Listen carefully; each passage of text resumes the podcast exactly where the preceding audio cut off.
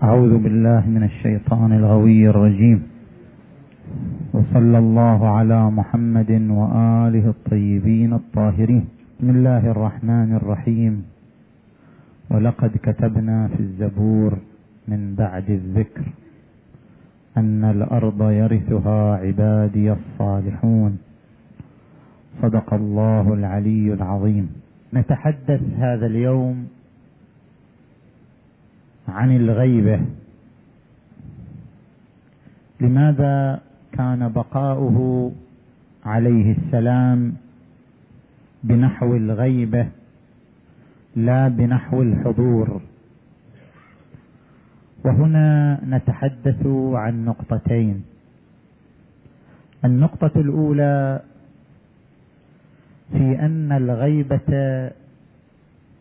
منسجمة مع الغرض الإلهي أو مخالفة للأهداف الإلهية. والنقطة الثانية في الآثار المترتبة على الغيبة. نتكلم اولا عن النقطة الأولى. استدل الإمامية علماء الإمامية استدلوا على وجوب نصب الإمام بقاعدة تسمى بقاعدة اللطف. قالوا مقتضى قاعدة اللطف وجوب نصب الإمام بعد النبي صلى الله عليه وآله. هذا الكلام يا إخوان يتكون من مقدمتين. المقدمة الأولى أن الإمام لطف. والمقدمة الثانية أن اللطف واجب على الله عز وجل. فنتيجة هاتين المقدمتين أن نصب الإمام واجب على الله عز وجل. أما أن الإمام لطف اللطف ما معناه؟ اللطف هو ما يغذي حاجة المجتمع البشري. كل ما يغذي ويرفع حاجة المجتمع البشري فهو لطف. المجتمع البشري بلا إشكال يحتاج إلى وجود الإمام. وجود الإمام أمر يغذي حاجة المجتمع البشري. المجتمع البشري يحتاج إلى من يأمر بالمعروف وينهى عن المنكر ويقضي بين الناس بالعدل ويقيم الحدود ويقيم التعزيرات وينشر العدالة بين أبناء المجتمع. اذا المجتمع البشري محتاج إلى وجود الإمام. فوجود الإمام لطف. لأنه يغذي هذه الحاجة. هذه هي المقدمة الأولى أن وجود الإمام لطف بالمجتمع. نجي إلى المقدمة الثانية. هل اللطف واجب؟ وجود الإمام ينشر العدل يأمر بالمعروف ينهى عن المنكر يقضي بين الناس يهدي المجتمع إلى الخير هذا لطف. لكن هل اللطف واجب على الله تعالى؟ نعم اللطف واجب على الله. لما؟ لأن الله يعلم أن المجتمع البشري محتاج إلى وجود إمام عادل آمر بالمعروف ناه عن المنكر. فعدم نصب الإمام من قبله تعالى إما لجهله إما لعجزه إما لبخله. بعد ما عندنا شق رابع. عدم نصب الإمام مع أن المجتمع محتاج إلى الإمام لماذا؟ ما هو السبب في عدم نصب الإمام؟ يعني عدم علم الله عز وجل بالحاجة هذا جهل والله منزه عن الجهل. إذا كان يعلم بحاجة المجتمع البشري لوجود الإمام عدم نصبه للإمام لعجزه لأنه لا يقدر على أن ينصب إماما للناس؟ الله سبحانه وتعالى منزه عن العجز. اذا إذا كان عالما بحاجة المجتمع وقادرا على تلبية هذه الحاجة بنصب الإمام فعدم نصبه للإمام عدم جود منه وعدم تفضل منه هذا بخل. والله منزه عن البخل. إذا مقتضى نزاهة الله عن الجهل وعن العجز وعن البخل مقتضى نزاهته أنه يجب عليه نصب الإمام بين الناس. فنصب الإمام بين الناس بعد الرسول محمد صلى الله عليه وآله واجب على الله لأنه لطف كما شرحنا ذلك. هكذا استدل الاماميه على ضرورة نصب الإمام بعد النبي. هذا هو استدلال الاماميه هنا يا إخوان يرد السؤال يطرح السؤال. لاحظوا السؤال بدقة. السؤال يقول بناء على التصوير الذي ذكرتموه للاستدلال. نقول غيبة الإمام نقض للغرض ونقض الغرض قبيح والقبيح محال على الله تبارك وتعالى. كيف ذلك؟ قلنا بأن الغرض من نصب الإمام والهدف من نصب الإمام أن الإمام يأمر بالمعروف يقضي بين الناس يبلغ الأحكام الشرعية. أليس هذا هو الغرض؟ هذا هو الغرض. هذا الغرض لا يمكن تحصيله مع غيبة الإمام. لو كان الإمام حاضرا بين الناس لقام بالغرض. لو كان الإمام موجودا بين أظهر الناس يرونه ويعرفونه ويراهم ويعرفهم لكان وجوده محققا للغرض. أما إذا كان غائبا فغيبته ناقضه للغرض يعني غيبته تماما عكس الهدف عكس الغرض لأنها محققة للغرض. الغرض والهدف من نصب الإمام إقامة العدالة. غيبته تمنع عن إقامة العدالة لأنه ما لم يكن حاضرا بين الناس فهو غير قادر على إقامة العدالة والأمر بالمعروف والنهي عن المنكر. اذا غيبة الإمام نقض للهدف ونقض الهدف قبيح. لماذا نقض الهدف قبيح؟ يعني أنت الآن مثلا تقوم تأسس مسجد تمام لو لا؟ تسوي مسجد ما هو غرضك من هذا المسجد؟ غرضي من هذا المسجد أن يتعبد الناس فيه لله. فلو قمت أنت وفتحت غرفة في المسجد لأجل النجارة والحداده خليت فيها نجار ولا حداد؟ طول الوقت ينجر أو يحدد. هذا يعد شنو؟ نقضا للغرض. الغرض من المسجد التعبد ووجود دار للنجارة أو الحدادة في وسط المسجد. ينافي الغرض وينقض الغرض ونقض الغرض قبيح. فيقبح منك أن تجعل ما ينقض غرضك. الله تبارك وتعالى لماذا ينصب الإمام؟ نصب الامام بغرض إقامة العدالة. الغيبة تنقض هذا الغرض. كون الإمام غائبا نقض للغرض. ونقض الغرض قبيح. والقبيح محال على الله تبارك وتعالى. اذا من المحال مسألة الغيبة. هكذا السؤال المطروح. السؤال المطروح على الإمامية فكرة الغيبه أصلا فكرة محال. فكرة الغيبية فكرة الغيبة أصلا فكرة قبيحة يرفضها العقل. فكرة الغيبة نقض للغرض من نصب الإمام ونقض الغرض محال على الله. فإذا هذه الفكرة في حد ذاتها أمر محال. لا يمكن صدوره من الله عز وجل بأن ينصب إماما غائبا. بأن ينصب إماما مستورا عن الأعين هذه الفكرة أمر محال في حد ذاته. فكيف تقولون بها؟ لاحظتم السؤال؟ الآن نحن نأتي للإجابة عن هذا السؤال. الجواب عن هذا السؤال بوجهين. الوجه الأول الغرض من نصب الإمام أي إمام كان ليس هو الأمر بالمعروف والنهي عن المنكر. مسؤولية الأمر بالمعروف والنهي عن المنكر تجب على كل الناس وجوبا كفائيا ولتكن منكم أمة يدعون إلى الخير ويأمرون بالمعروف وينهون عن المنكر. الغرض من نصب الإمام ليس هو تبليغ الأحكام الشرعية والقضاء بين الناس وإقامة الحدود والتعزيرات. هذه وظيفة الفقهاء.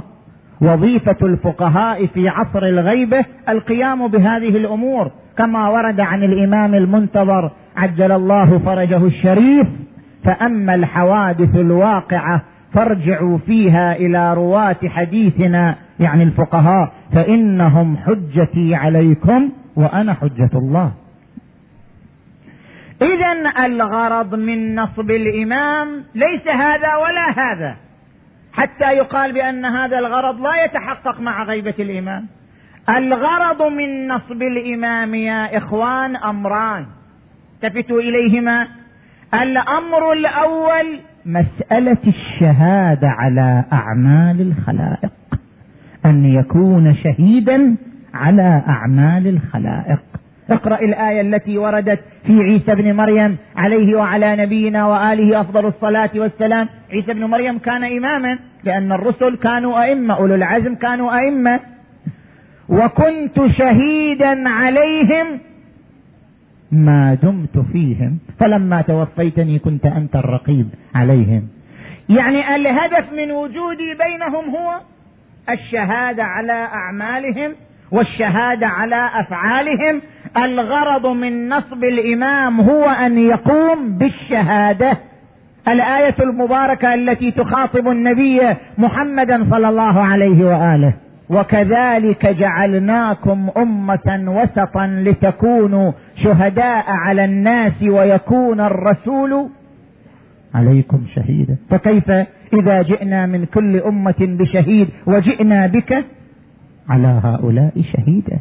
الغرض من وجود النبي والإمام الشهادة على أعمال الخلائق شهادة حضورية كما شرحنا هذا في الأسابيع السابقة. هذا هو الغرض. مو الأمر بالمعروف والقضاء بين الناس تبليغ الأحكام الشرعية لا. الغرض إقامة الشهادة ومن الواضح أن الإمام سواء كان مرئيا أو كان غائبا هو قادر على أن يقوم بغرض الشهادة. سواء كان الإمام معروفا بين الناس أم مجهولا حاضرا مع الناس أم غائبا عنهم هو قادر على أن يقوم بغرض الشهادة وأن يحقق هدف الشهادة هو قادر على هذا تماما. اذا الغرض من نصب الإمام متحقق وليست غيبة الإمام امرا ناقضا للغرض كي تكون الغيبه امرا محالا أو امرا قبيحا. لاحظتم؟ هذا الأمر الأول. الأمر الثاني المترتب على نصب الإمام عليه السلام هو حفظ الدين لكي لا تمتد أيدي التزوير وأيدي التلاعب وأيدي التحريف إلى الدين الإسلامي. وقد ذكرنا فيما سبق بأن قوله تعالى انا نحن نزلنا الذكر وأنا له لحافظون. ليس المقصود بالذكر هو القرآن الكريم. المقصود بالذكر هو الدين السماوي المحتفظ عليه من خلال القرآن الكريم نفسه. الله تبارك وتعالى تعهد بحفظ هذا الدين وحفظ الدين بأسبابه. من أسباب حفظ الدين وجود الشخص الخبير بالدين كي يكون قادرا على حفظه من أن تندس أيدي التلاعب والتزوير والتحريف إليه. كيف حفظ الدين؟ التفتوا إليه. ليس المقصود من الدين يا إخوان الوظيفة الظاهرية. الوظيفه الظاهرية يعني يجب على الناس في عصر غيبة الإمام عليه السلام أن يعملوا بالوظيفة الظاهرية وهي فتاوى الفقهاء. فتاوى الفقهاء هذه وظائف ظاهرية وليست وظائف واقعية لأن فتوى الفقيه قد تصيب الواقع وقد تخطئ الواقع. لكن مع ذلك لو أصابت فتوى الفقيه الواقع فأنت قد عملت بالواقع. ولو أخطأت فتوى الفقيه الواقع فأنت معذور. ما دام الأئمة أمرونا باتباع فتاوى الفقهاء أصابوا أم أخطأوا؟ فنحن معذورون عند الخطأ كما ورد عنهم عليهم السلام لا ينبغي لأحد من شيعتنا التشكيك فيما يرويه عنا ثقاتنا. قد علموا أنا نفاوضهم سرنا. يعني لا ينبغي التشكيك في مرويات الفقهاء وما يمليه الفقهاء. وظيفتكم العمل بفتاوى هؤلاء وأنتم معذورون. فأما الحوادث الواقعة فارجعوا فيها إلى رواة حديثنا فإنهم حجتي عليكم وأنا حجة الله. ليس الدين هو هذه الوظيفة الظاهرية لا. الدين مجموعة من القوانين السماوية موجودة في القرآن وفي الأحاديث الصحيحة. هذه القوانين السماوية الموجودة في القرآن والموجودة في الأحاديث الصحيحة هي الدين الواقعي. وهذه المجموعة من القوانين يجب حفظها عن الدس والتزوير والتحريف. من المتكفل بحفظها؟ المتكفل بحفظها هو من كان عارفا بها. من لا يعرف هذه القوانين الواقعية الموجودة في الكتاب والأحاديث الصحيحة لا يمكنه حفظها. من عرف هذه القوانين أهل البيت أدرى بما فيه. قتادة دخل على الإمام الباقر عليه السلام. قتادة كان من فقهاء البصرة.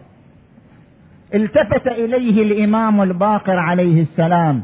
قال يا قتادة بلغني أنك تفسر القرآن. قال نعم. قال كيف تفسر القرآن؟ إن كنت تفسره برأيك من راسك تطلع فقد هلكت وأهلكت. وإن كنت تفسره بآراء الرجال فقد هلكت وأهلكت. إنما يعرف القرآن من خوطب به وليس هو إلا عند الخاصة من ذرية نبينا محمد صلى الله عليه وآله. وما ورثك الله من كتابه حرفا.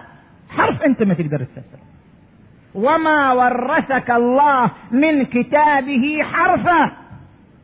معرفة القرآن معرفة واقعية. معرفة الأحاديث الصحيحة معرفة واقعية أمر لا يتأتى لا لفقيه ولا لغير فقيه لا يتأتى إلا لمن خوطب بهذا القرآن ومن خوطب بهذه الأحاديث الصحيحة ألا وهو الإمام القائم ألا وهو الإمام المعصوم. اذا بالنتيجة الغرض من نصب الإمام حفظ الدين. الدين الواقعي ها. والدين الواقعي لا يمكن حفظه إلا لمن كان عارفا به. والعارف بالدين الواقعي هو الإمام الذي تلقى مواريث النبوة وكتب الأنبياء وكتب الأئمة ووصلت إليه العلوم الواقعية يدا بيد. فهو الوحيد القادر على حفظ الدين. دون غيره. لذلك وردت عندنا روايات من مات عن النبي محمد صلى الله عليه وآله إذا فبالنتيجة الغرض حفظ الدين وحفظ الدين يتوقف على المعرفة والمعرفة غير موجودة إلا عند إمام الزمان إذا القادر على حفظ الدين هو إمام الزمان من مات ولم يعرف إمام زمانه مات ميتة جاهلية ولولا الحجة لساخت الأرض بأهلها وورد عن الإمام علي عليه السلام لا بد لله من حجة إما ظاهرا مشهورا أو خائفا مستورا.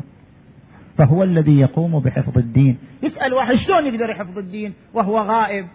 يحفظ الدين من خلال الاتصال بمواقع القرار.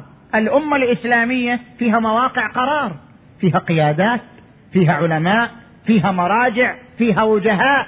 كل شخص له نفوذ في الأمة الإسلامية وتأثير في الأمة الإسلامية فهو موقع من مواقع القرار. الإمام قادر على حفظ الدين من خلال اتصاله بمواقع القرار. من خلال الاتصال بطريقة مباشرة أو بغير مباشرة. المهم أن واجبه حفظ الدين فلا بد أن يقوم به من خلال الاتصال بمواقع القرار مباشرة أو بواسطة من أجل حفظ الدين وإقامة هذا الغرض. الآن أنتم انظروا. الصحوة الإسلامية تنمو الوجود الإسلامي يكبر ظاهرة التشيع تقوى وتكبر وتمتد إلى أرجاء الأرض ظاهرة من هو مخلص للدين ومن هو باذل للدين تقوى وتكبر يوما بعد يوم. هذا دليل على ماذا؟ مع وجود هذه الحرب الشرسة ضد الدين والدين يقوى ويزداد نموا. ويزداد قوة. كاشف عن ماذا؟ كاشف عن وجود تصرفات غيبية خفية يقوم بها المسؤول عن هذه التصرفات من أجل حفظ الدين ومن أجل حفظ هيبته ومن أجل حفظ مكانته ومن أجل حفظ قوته. ألا وهي تصرفات المولى صاحب الأمر. عجل الله فرجه الشريف. ولولا أننا ولولا أنتم تحت رعايتنا لاصطلمت بكم الأواء وأحدقت بكم الأعداء وإنا لنحضر أفراحكم وأتراحكم ولا يعزب عنا شيء من أخباركم. اذا فبالنتيجة هذا السؤال مو وارد. أن الغيب نقض للغرض لا الغيب ليست نقضا للغرض. الغرض حفظ الدين وهو قادر على أن يقوم به غائبا أم حاضرا. الغرض الشهادة على أعمال الخلق وهو قادر على أن يقوم به غائبا أم حاضرا. فلا معنى لهذا السؤال. الجواب الثاني عن هذا السؤال ثبتوا يا إخوان. الغيبه ليست مخطط سماوي وإنما هي عمل بشري. والعمل البشري لا يكون نقضا للغرض السماوي. كيف؟ الآن مثلا أضرب لك مثال. ما هو الهدف من نصب الإمام علي للإمامة؟ هو الغرض من نصب الإمام علي للإمامة أن يقيم الدولة الإسلامية العادلة. هذا المخطط السماوي. لو لا لكن ماذا حصل على الأرض؟ المخطط السماوي هو أن الهدف من نصب علي إقامته للعدالة لكن هل هذا المخطط السماوي حصل على الأرض؟ ما حصل على الأرض. ما الذي حصل على الأرض؟ بمجرد تولى الخلافة قام عليه الناكثون والقاسطون والمارقون من كل حدب وصوب حروب دامية خمس سنوات ما اعطت الإمام الفرصة الكافية لتحقيق الدولة الإسلامية العادلة. إلى أن قتله الخوارج في محرابه من أجل أن لا يعطى الفرصة لإقامة الدولة الإسلامية العادلة. اذا هل هذا نقض للغرض؟ هل يستطيع إنسان يقول خوب اذا الغرض السماوي راح. فما هو الغرض اذا من نصب علي للخلافة؟ هذا نقض للغرض ونقض الغرض قبيح. ليست حرب علي مخططا سماويا وليس قتل علي مخططا سماويا. ما خططت له السماء هو أن يبقى علي لكي يقيم العدالة. ولكن ما صنعه البشر رفضا لمخطط السماء هو حرب علي وقتله. اذا بالنتيجة الجناية البشرية لا تعد نقضا للغرض السماوي. المخطط السماوي قد يكون على شيء وتكون الجناية البشرية على شيء آخر. قد يكون العمل الأرضي مخالفا للمخطط السماوي. وهذا لا يعني نقض الغرض من السماء. لا. الآن مثلا الله تبارك وتعالى بعث نبيه نبي الرحمة لماذا؟ ليظهر على الدين كله هو الذي أرسل رسوله بالهدى ودين الحق ليظهره على الدين كله. جاء بنو أمية ومسخوا الدين من أصله وجاء بنو العباس وتابعوا المسيرة في تشويه الدين ومسخه. يعني أن المخطط السماوي كان نقضا للغرض ونقض الغرض قبيح. ما خططت له السماء شيء وما جنى به البشر شيء آخر. أحيانا جناية البشر تقف أمام مخطط السماء. الله تبارك وتعالى عندما نصب مهدي أجل الله تعالى فرجه الشريف. نصبه اماما بعد أبيه الحسن العسكري. ما كان الغرض من نصب أن يغيب. الغيبة ليست مخطط سماوي. كان الغرض من نصبه إماما أن يبقى حاضرا بين الناس ويقوم بتحقيق أهداف الإمامة وهو حاضر بين الناس إلا أن الجناية البشرية صارت على عكس مخطط السماء. هجم الظالمون عليه فاستتر خوفا من الظالمين ولم تقم الأمة الإسلامية بنصرته والدفاع عنه. ولو أن الأمة الإسلامية وقفت إلى جنبه يوم هجوم الظالمين عليه ما تغيب الإمام. الإمام لم يتغيب لأن الله أمره بالغيبه لا الغيبه ما أمره الله بها. الله أمره كإمام أن يكون كسائر الأئمة. سائر الأئمة الغرض أن يبقوا حاضرين بين الناس ويقيمون العدالة بين الناس ويوصلون الناس إلى الهداية وجعلناهم أئمة يهدون بأمرنا لما صبروا وكانوا بآياتنا يوقنون. الغرض هو الهداية لكن البشر إذا رفضوا هذا المخطط السماوي وقالوا لا نريد. هجم الظالمون على الإمام وطلب الإمام النصرة من الأمة الإسلامية فلم تكن مستعدة ولا حاضرة لبذل النصرة وللوقوف معه حتى يقف حاضرا ويقيم غرض الهداية كما ذكر في القرآن الكريم. فهذا عمل إلهي أو تقصير بشري؟ تقصير بشري. إذا نتيجة الكلام أن الغيبة ليست مخطط سماوي. كي نقول بأن هذا المخطط السماوي نقض للغرض. أنت من جهة تنصب إمام ومن جهة غيبة. تغييبك إياه نقض لغرض الإمامة. لا الله يقول أنا ما غيبته. أنتم أيها البشر جنيتم ونتيجة جنايتكم وتقصيركم غاب الإمام من بين أيديكم. غيبة الإمام تقصير بشري جناية بشرية وليست مخططا سماويا كي يكون هذا المخطط نقضا للغرض. انظر إلى مسألة موسى بن عمران عليه السلام. بني إسرائيل حيرة. كل يوم حير نبي بني إسرائيل؟ ادخلوها. قالوا لن ندخلها ابدا حتى يخرجوا منها. اذهب أنت وربك فقاتلا. أنا ها هنا قاعدون. رفضوا أن يدخلوا الأرض المقدسة. قال ربي إني لا أملك إلا نفسي وأخي. أنا ذولا ما أقدر أسيطر عليهم. إني لا أملك إلا نفسي وأخي فافرق بيننا وبين القوم الفاسقين.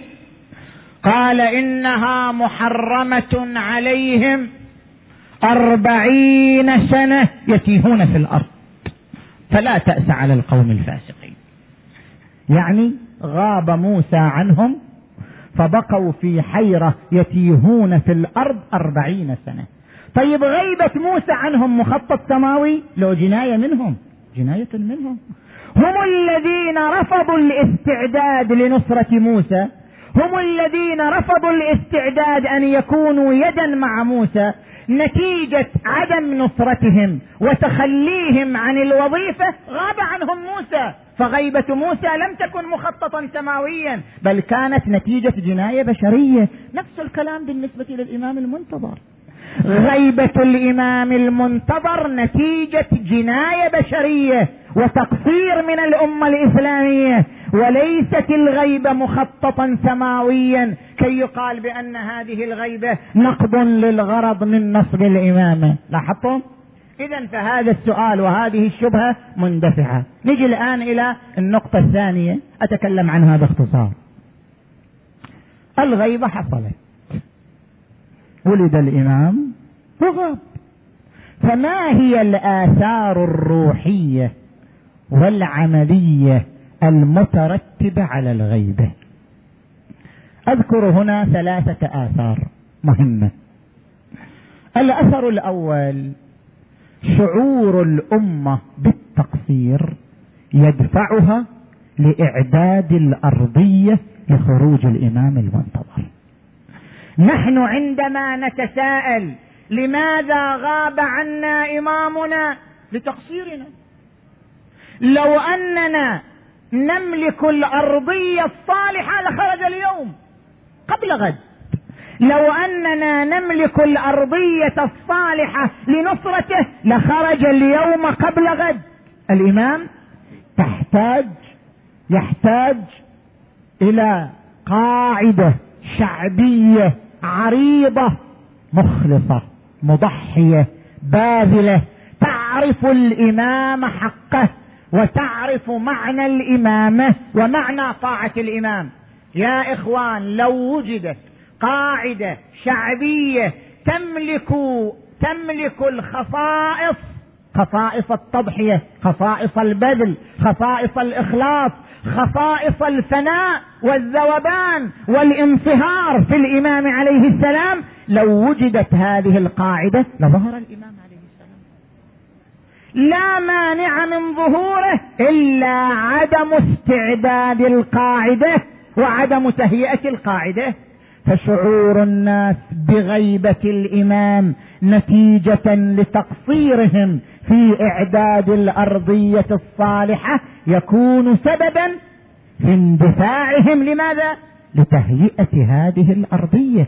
لإيجاد النخبة المخلصة المضحية الباذله حتى إذا وجدت وتهيأت هذه الأرضية ظهر الإمام عليه السلام.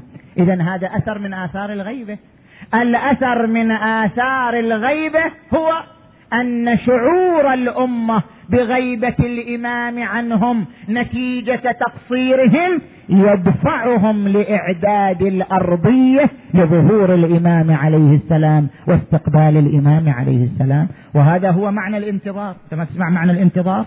ورد عن الرسول أفضل أعمال أمتي انتظار الفرج. ما معنى انتظار الفرج؟ يعني الحولقة نقول لا حول ولا قوة إلا بالله. اللهم عجل فرج هو الانتظار.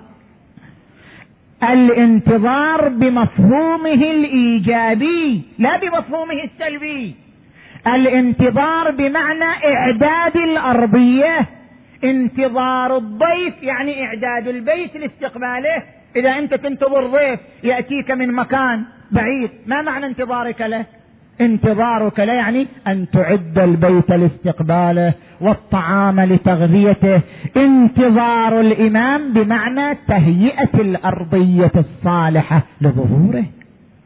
هذا الأثر الأول من آثار الغيبة. الأثر الثاني الاستعداد للقاء الإمام المنتظر. انتبهوا يا إخوان. هنا عندنا مقدمتان. المقدمة الأولى ذكر علماؤنا عندما بحثوا كما في البحار إذا تراجعون البحار عندما تحدث عن غيبة الإمام عليه السلام يقول العلماء قالوا بأن غيبة الإمام غيبة العنوان لا غيبة الشخص. شنو الفرق بين غيبة العنوان وغيبة الشخص؟ غيبة الشخص يعني أن نفس شخص الإمام مو موجود مثل عيسى بن مريم. عيسى بن مريم شخصه غائب لأن شخصه رفع إلى حظيرة القدس فشخصه مو موجود بين الناس. هذه غيبة الشخص. غيبة الشخص بمعنى غيبة غير طبيعية. الشخص يرفع من الأرض يرفع من بين أظهر الناس وأيدي الناس إلى مكان آخر. هذه تسمى بغيبة الشخص. وهي غيبة إعجازية وغير طبيعية. غيبة الإمام المنتظر ليست هكذا. غيبة الإمام المنتظر غيبة العنوان وليست غيبة الشخص. يعني الإمام المنتظر موجود مع الناس ما رفع شخصه. الإمام المنتظر يعيش مع الناس يحضر مواسم الناس يحضر قضايا الناس العامة والخاصة. ما غيب شخصه وإنما الذي تغيب عنوانه يعني وينه؟ أي الرجال هو؟ هذا مو معروف. العنوان مجهول وإلا فالشخص موجود. غيبة العنوان لا غيبة الشخص. اذا غيبة الإمام المنتظر غيبة طبيعية ترى مو غيبة إعجازية. الإمام المنتظر يحافظ على خفائه هو اللي يحافظ على خفائه. حفظ شخصي حفظ عادي حفظ طبيعي. هو الذي يحافظ على بقائه من خلال تغيير الاسم تغيير العنوان تغيير المكان تغيير طرق الاتصال تغيير نوع الارتباط بالبشر. كلما مرت فترة عليه غير مكانه غير عنوانه غير طريقة اتصاله. غيبته غيبه عنوانية غيبه طبيعية. هو الذي يقوم بحفظ نفسه عن أعين الظالمين. وإلا لو غيبة الإمام غيبه إعجازية ما نحتاج ندعو للإمام المنتظر بعد. لكننا ندعو له نقول؟ اللهم كن لوليك الحجة ابن الحسن صلواتك عليه وعلى آبائه في هذه الساعة وفي كل ساعة شنو؟ وليا وحافظا. ندعو له بالحفظ. لو كان مغيب كعيسى ما نحتاج ندعو له. أنا ما نحتاج نقول اللهم احفظ عيسى ابن مريم. احفظه بعد؟ أحسن ما كان قاعد في حظيرة القدس وبين الملائكة وما صاير عليه شيء ولا شيء. عيسى ابن مريم. عدل ولا إنما ندعو للإمام بالحفظ لأن غيبته غيبة طبيعية عادية. هو الذي يقوم بحفظ نفسه عن الأخطار وهو الذي يقي جسمه من الأمراض.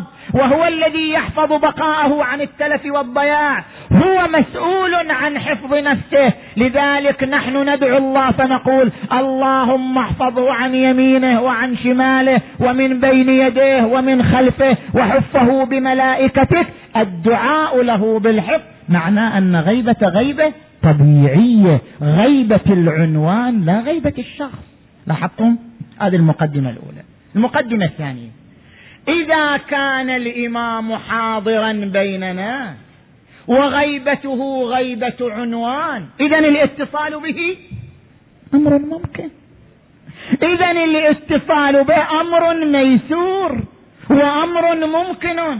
فقد يتصل أحدنا بالإمام من حيث لا يشعر. قد يختلط بالإمام ويتحدث مع الإمام والإمام يوصل له بعض الأفكار الصالحة من حيث لا يشعر. قد يوصل له بعض الأمور التي يهديه بها من حيث لا يشعر. اتصالنا بالإمام اتصال ميسور وممكن. إنما نحن كلنا نريد أن نعرف العنوان. هل هذا هو الإمام؟ أم غيره؟ كيف ذلك؟ الإمام يعلمنا الطريق. لولا ذنوب شيعتنا لرأونا رأي العين. ما في حاجز بيننا وبينهم. عثمان ابن سعيد العمري أحد سفراء الإمام السفير الأول للإمام يقول عثمان بن سعيد العمري يقول إن صاحب هذا الأمر والله إن صاحب هذا الأمر يعني الإمام ليحضر الموسم كل سنة يعني الحج يحضر كل سنة. وإن الناس يرونه ويراهم ويعرفهم ولا يعرفونه. هو موجود بينهم لكنهم لا يعرفون أن هذا الشخص هو الإمام المنتظر عجل الله فرجه الشريف اذا إذا أردت أن تلقى الإمام يعني أن تعرفه باسمه وعنوانه فالطريق واضح. لولا ذنوب شيعتنا لرأونا رأي العين. التخلص من الذنوب والمعاصي يفتح الطريق الواضح أمام رؤية الإمام بعنوانه وبشخصه. قد يقول الإنسان شنو الأثر للقاء؟ وزين التقيت بالإمام وش بسوي يعني؟ وش بصير يعني لو التقيت أنا بالإمام؟ وش بيترتب لو أنا التقيت بالإمام أروح أدوخ حالي؟ وإذا التقيت بالإمام وش بصير؟ ماذا يترتب على اللقاء؟ يترتب على اللقاء يا إخوان الهداية الأمرية وجعلناهم أئمة يهدون بأمرنا. أتريد أن تصل إلى الهداية الأمرية؟ أتريد أن تكون مثل سلمان الفارسي وأبي ذر والمقداد وعمار وكميل هؤلاء النخبة الذين لما التقوا بالأئمة حصلوا على أعلى مرتبة من الهداية وهي الهداية الأمرية. أي إنسان لا يرغب في هذا الهدف؟ إذا أردت أن تصل إلى الهداية الأمرية فالطريق إليها لقاء الإمام. والطريق إلى لقاء الإمام رفض الذنوب والتخلي عنها. لولا ذنوب شيعتنا لرأونا رأي العين. وهذا ما في الرواية. الإنسان قد يستغرب الرواية الواردة في تفسير الآية. الآية المباركة ماذا تقول؟ والذين جاهدوا فينا لنهدينهم سبلنا. في الآية وارد هداية السبيل يعني لقاء الإمام المنتظر. شلون لقاء الإمام المنتظر؟ لأن الآية لاحظوا التعبير دقيق في الآية. لنهدينهم سبل ما قال لنهدينهم إلينا؟ قال لنهدينهم يعني أنت إذا قمت بمجاهدة النفس والذين جاهدوا فينا إذا جاهدت نفسك الأمارة بالسوء تصل إلى ماذا؟ إلى السبيل إلى الله. لنهدينهم سبلنا. ومن هو السبيل إلى الله؟ ما تقرأ أنت في دعاء الندبة؟ فكانوا هم السبيل إليك. والمسلك إلى رضوانك. السبيل إلى الله هم أهل البيت. والهداية إلى السبيل فرع المجاهدة النفسية فرع نبذ الذنوب والمعاصي أن تصل إلى السبيل. إذا الأثر الثاني المترتب على الغيبة هو ماذا؟ هو استعداد الإنسان. مو مثل من ينكر الإمام. اللي ينكر الإمام شنو؟ يقول لك الإمام ما ولد. بعد أن ألتقي وياه من هو ما ولد. من ينكر الإمام لا يحصل على هذا الأثر. صح ولا لا؟ من ينكر وجود الإمام عليه السلام محروم من هذا الأثر. أما من يعترف بوجود الإمام وأنه يمكن لقاؤه وطريق لقائه نبذ الذنوب ومن خلاله يمكن الوصول إلى الهداية الأمرية فالأثر المترتب على الغيبه ما هو؟ الاستعداد للقاء الإمام المنتظر عجل الله فرجه الشريف. اللهم أرنا الطلعة الرشيدة والغرة الحميدة واكحل نواظرنا بنظرة منا إليه. الأثر الثالث والأخير. إقامة العلاقة القلبية بينك وبين الإمام. قد يقول قائل وليش العلاقة؟ يكفي أنه أنا أحب الإمام. نحن نحب الأئمة. الآن جميع المسلمين يقولون نحن نحب آل بيت رسول الله. ليس كذلك؟ فما معنى تقوية العلاقة القلبية؟ لاحظوا يا إخوان. هنا أمران. الأمر الأول قوله تعالى قل لا أسألكم عليه أجرا إلا المودة في القربى مودة أهل البيت واجب شرعي واجب سماوي. يجب محبة أهل البيت. فكل طريق يقوي المحبة فهو طريق مطلوب. كل طريق يقوي في قلوبنا محبة أهل البيت. طريق مطلوب. إقامة مآتم الحسين تقوي محبة أهل البيت.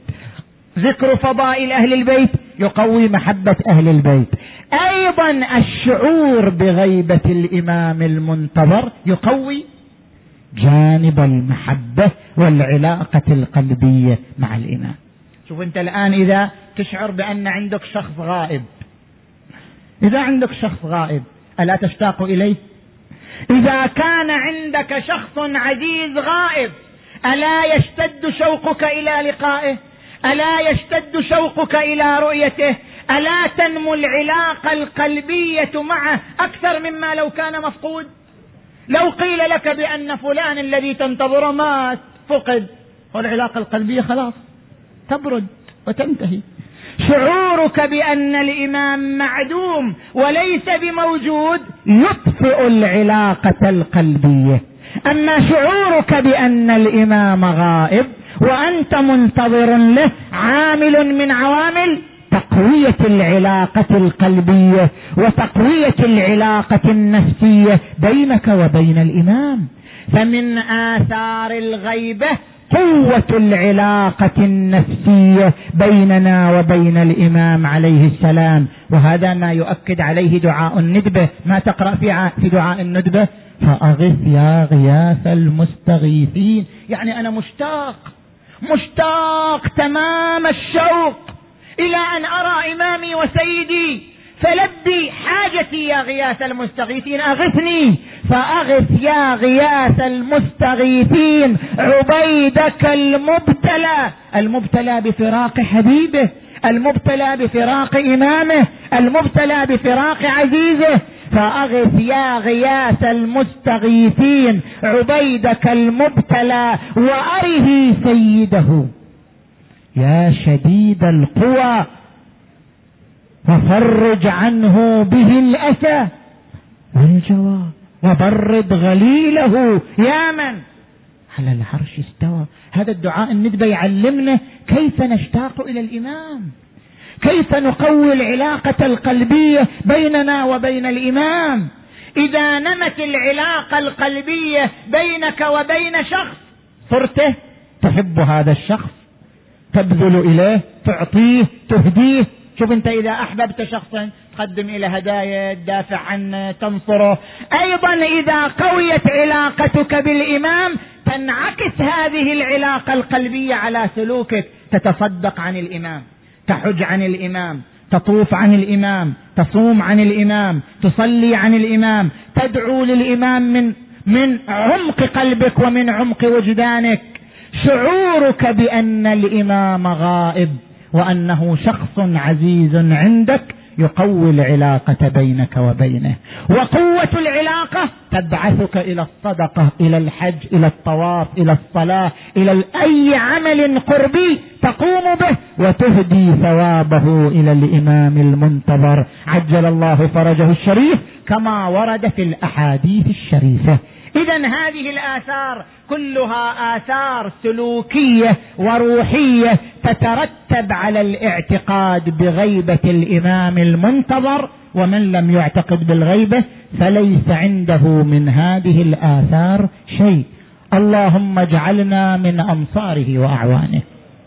نحن نقرأ الآية المباركة اللي فسرت ترى تفسير هذه الآية به. أمن يجيب المضطر إذا دعاه؟ ورد في الرواية عن الباقر عليه السلام المضطر هو المهدي المنتظر. عجل الله فرجه الشريف. هذه الآية فسرت بالإمام المنتظر. عجل الله فرجه الشريف.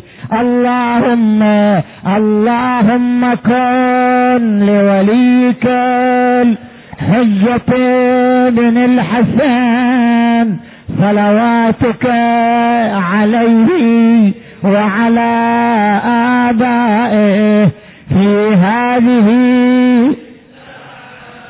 وفي كل ساعة وليا وحافظا وقائدا